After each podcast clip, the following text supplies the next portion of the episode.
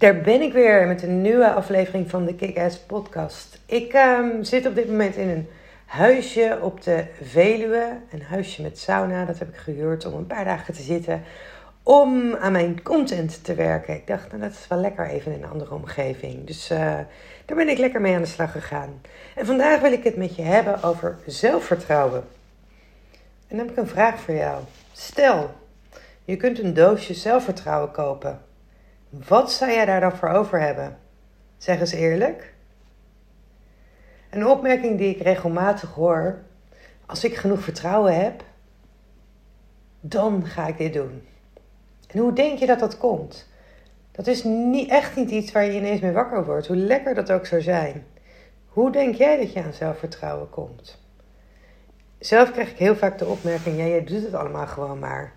En ik doe het niet allemaal gewoon maar. Alleen neem ik, niet de neem ik de beslissing om me niet te laten leiden door anderen. Ik heb een doel voor ogen. Mijn doel was in het verleden om bijvoorbeeld te werken aan grootschalige sportevenementen. Nou, dat is gelukt. Check. Die heb ik uh, afgevinkt. En mijn doel is nu om vrouwen te inspireren, stimuleren, motiveren en, en, en vooral transformeren. Een schop onder hun kont geven om zichzelf meer te laten zien. Om ze met meer zelfvertrouwen, daar is hij weer, hun werk te laten doen. Om ze veel meer voor hun waarde te kunnen laten staan. En dat doe ik door coaching, door trainingen. En ik wil ook nog meer gaan spreken. Um, is, uh, nou ja, ik ben sinds uh, gisteren. Uh, gisteren heb ik een gesprek gehad bij een sprekersbureau wat mijn bestand gaat opnemen. Dus dat vind ik super leuk. maar als jij een interessante sprekersklus hebt, mag je mij ook altijd benaderen. En ik richtte mij eerst op vrouwen in de sport en dat heb ik nu verbreed naar vrouwen die in de mannenwereld werken. En mijn wil om daarin te slagen is groter dan mijn angst voor afwijzing of groter dan mijn angst om te falen. Ik laat me niet tegenhouden, ook al vind ik het spannend.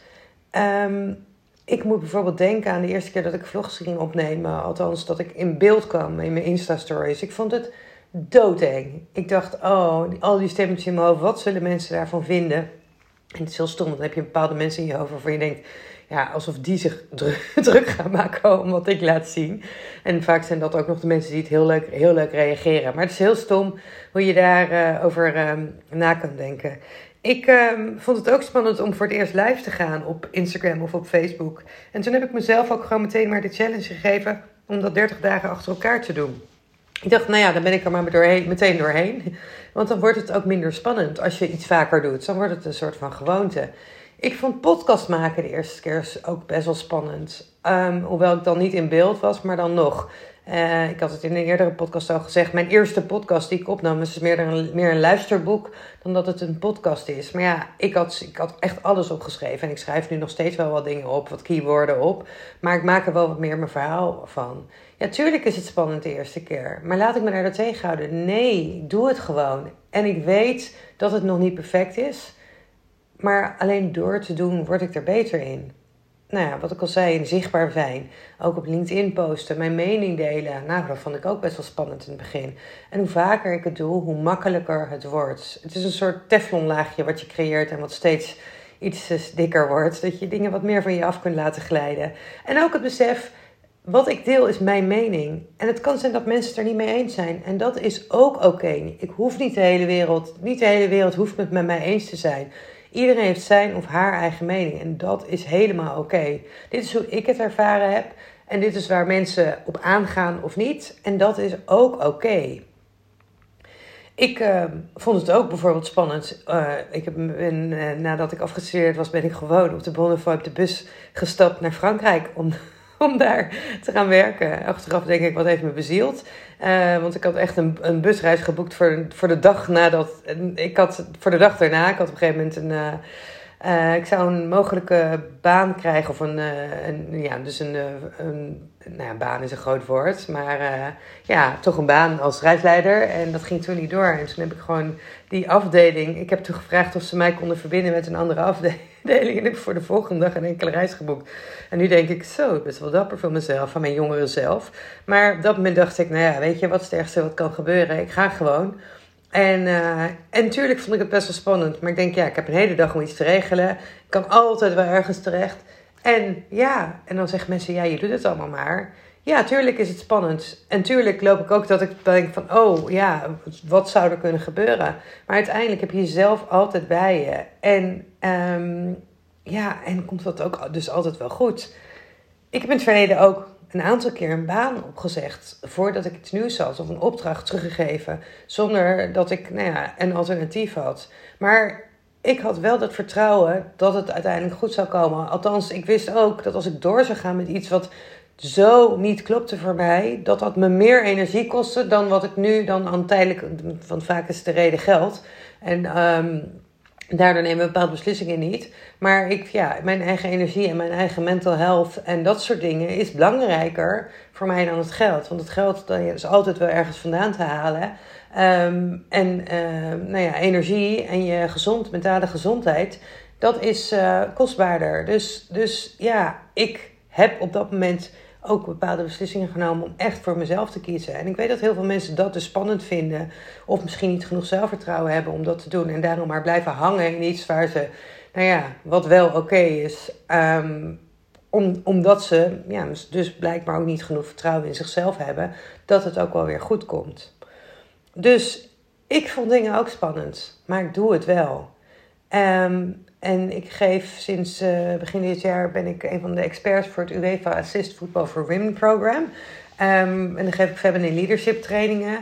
En daar zeggen we ook, je moet comfortabel worden met het oncomfortabele.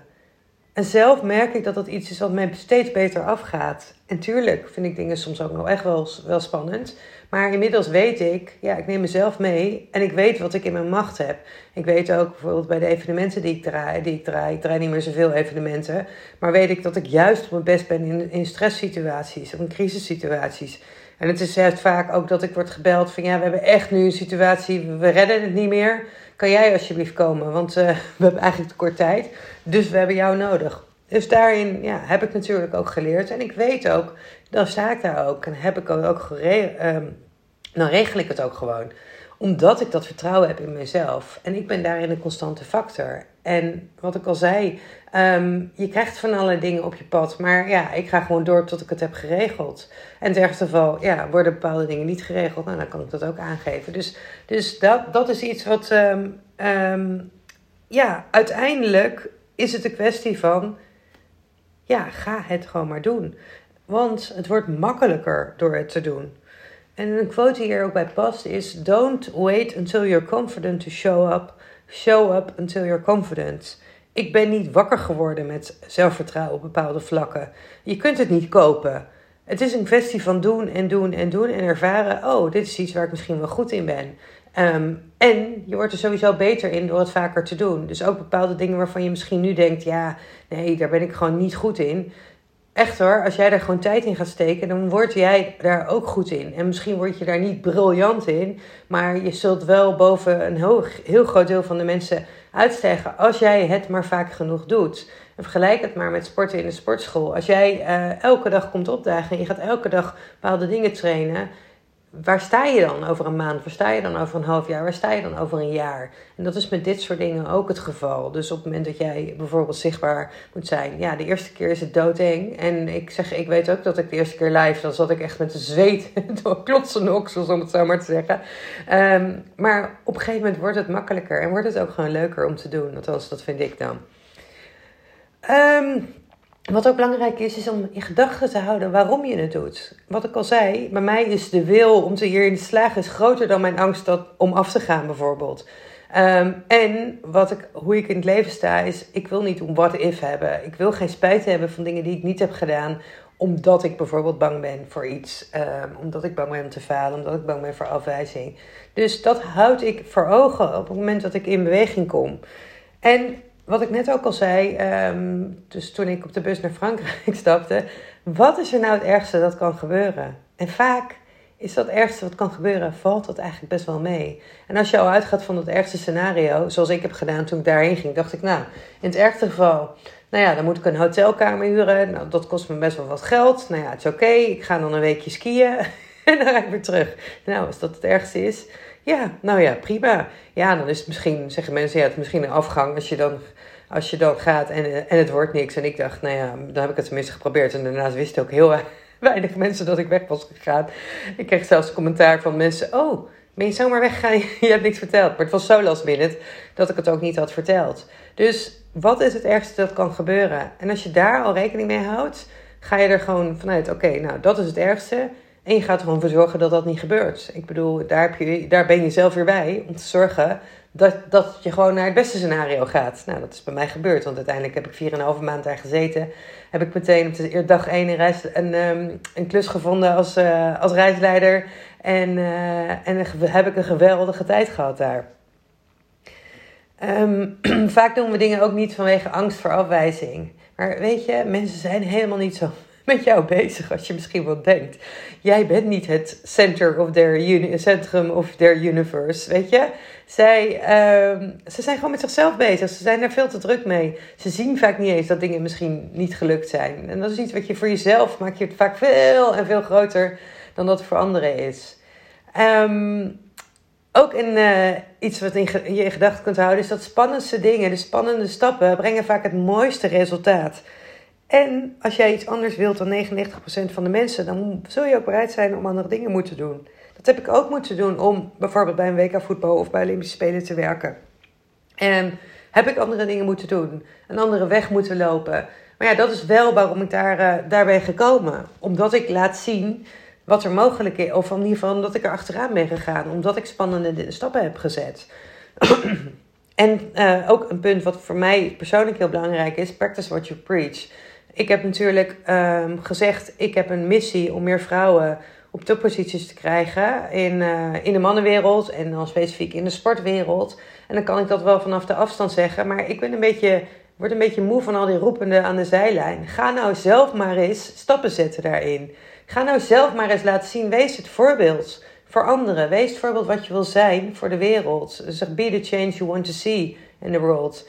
Um, vrouwen moeten kappen met zich onnodig klein houden. Want dat doen we. En dat doe ik ook nog zelf nog steeds. Hè? Dus daar ben ik al beter in geworden. Maar, maar ik weet dat ik daarin nog zelf ook stappen te zetten heb. En we moeten doen het niet alleen voor onszelf. Maar juist ook voor de wereld. Want het vrouwelijk leiderschap is zo hard nodig. En die vrouwelijke rolmodellen zijn zo hard nodig. En zelf heb ik mezelf, absoluut, ik heb mezelf heel lang niet gezien als rolmodel. Maar ik weet inmiddels dat ik het wel ben. Ik ben het voor, nou ja, alleen al voor de jongere generatie. Ik ben het ook voor heel veel andere vrouwen. Omdat als ik uh, laat zien wat er mogelijk is, dan kunnen anderen dat geloof ook weer hebben. Zo heb ik ook mijn vrouwelijke rolmodellen gehad. En we weten allemaal hoe belangrijk die rolmodellen zijn. Maar we nemen niet de stappen die nodig zijn om rolmodel te zijn. En we zijn allemaal rolmodellen. Ook al heb je misschien pas een jaar werkervaring, je bent ook een rolmodel.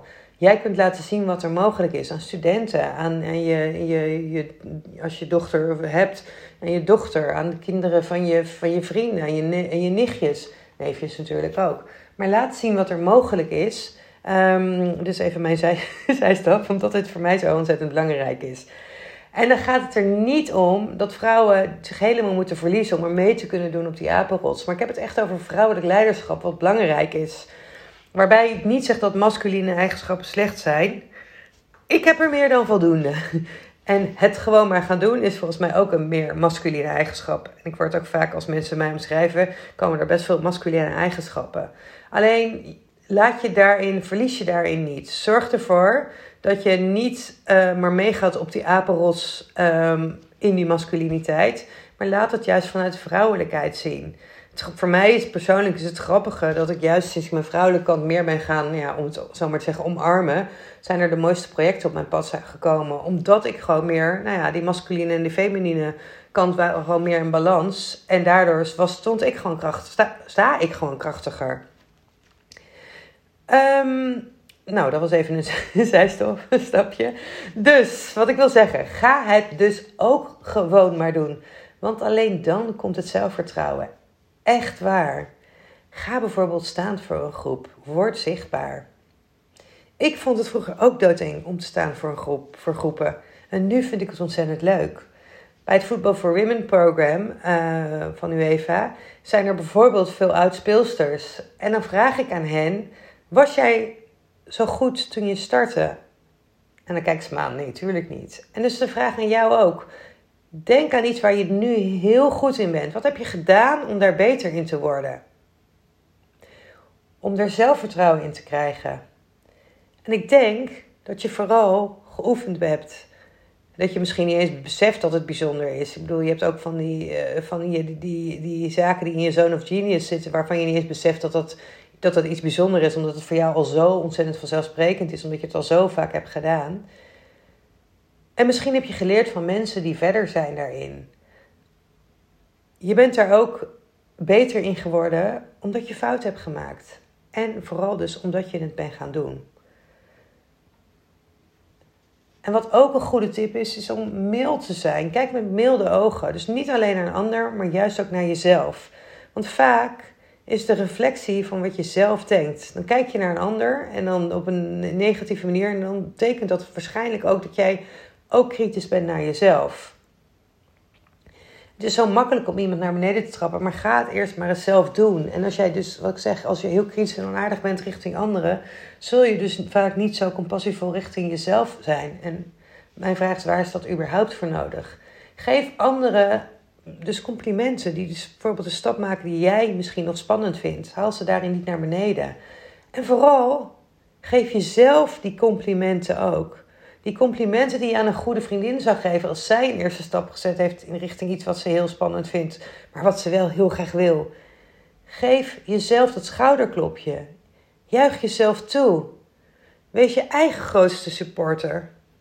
Want als jij jezelf al continu afmaakt, wat denk jij dat het met je zelfvertrouwen doet?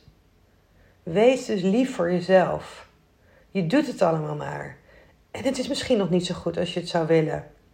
En kan je vertellen, dat zal het waarschijnlijk ook nooit zijn. Als, je, als jij progressie maakt, dan zul je waarschijnlijk nooit 100% tevreden zijn.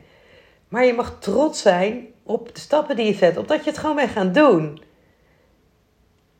En met de ervaring die je op dit moment hebt op dit vlak, is het gewoon helemaal oké. Want je hebt die eerste stap gezet en dat is groei. En daarmee krijg, krijg je vanzelf zelfvertrouwen. Dat heb ik met deze podcast ook. Weet je, ik zou nog honderdduizend dingen kunnen verbeteren. Maar ik ben het maar gewoon gaan doen. En vanuit daar wordt het elke keer weer wat beter. En wordt het elke keer ook wat makkelijker om te doen. Dat was hem voor vandaag. Ik ben erg benieuwd wat je van deze podcast vond. Ik zou het heel leuk vinden als je je bevindingen of de eerste stap die je gaat zetten met me wilt delen. Maar allebei mag natuurlijk ook. Dat kan makkelijkste via een DM op eh, LinkedIn of Instagram. En uh, tenslotte, als je deze eh, podcast waardevol vindt, dan zou ik een 5 sterren review uiteraard ook erg waarderen.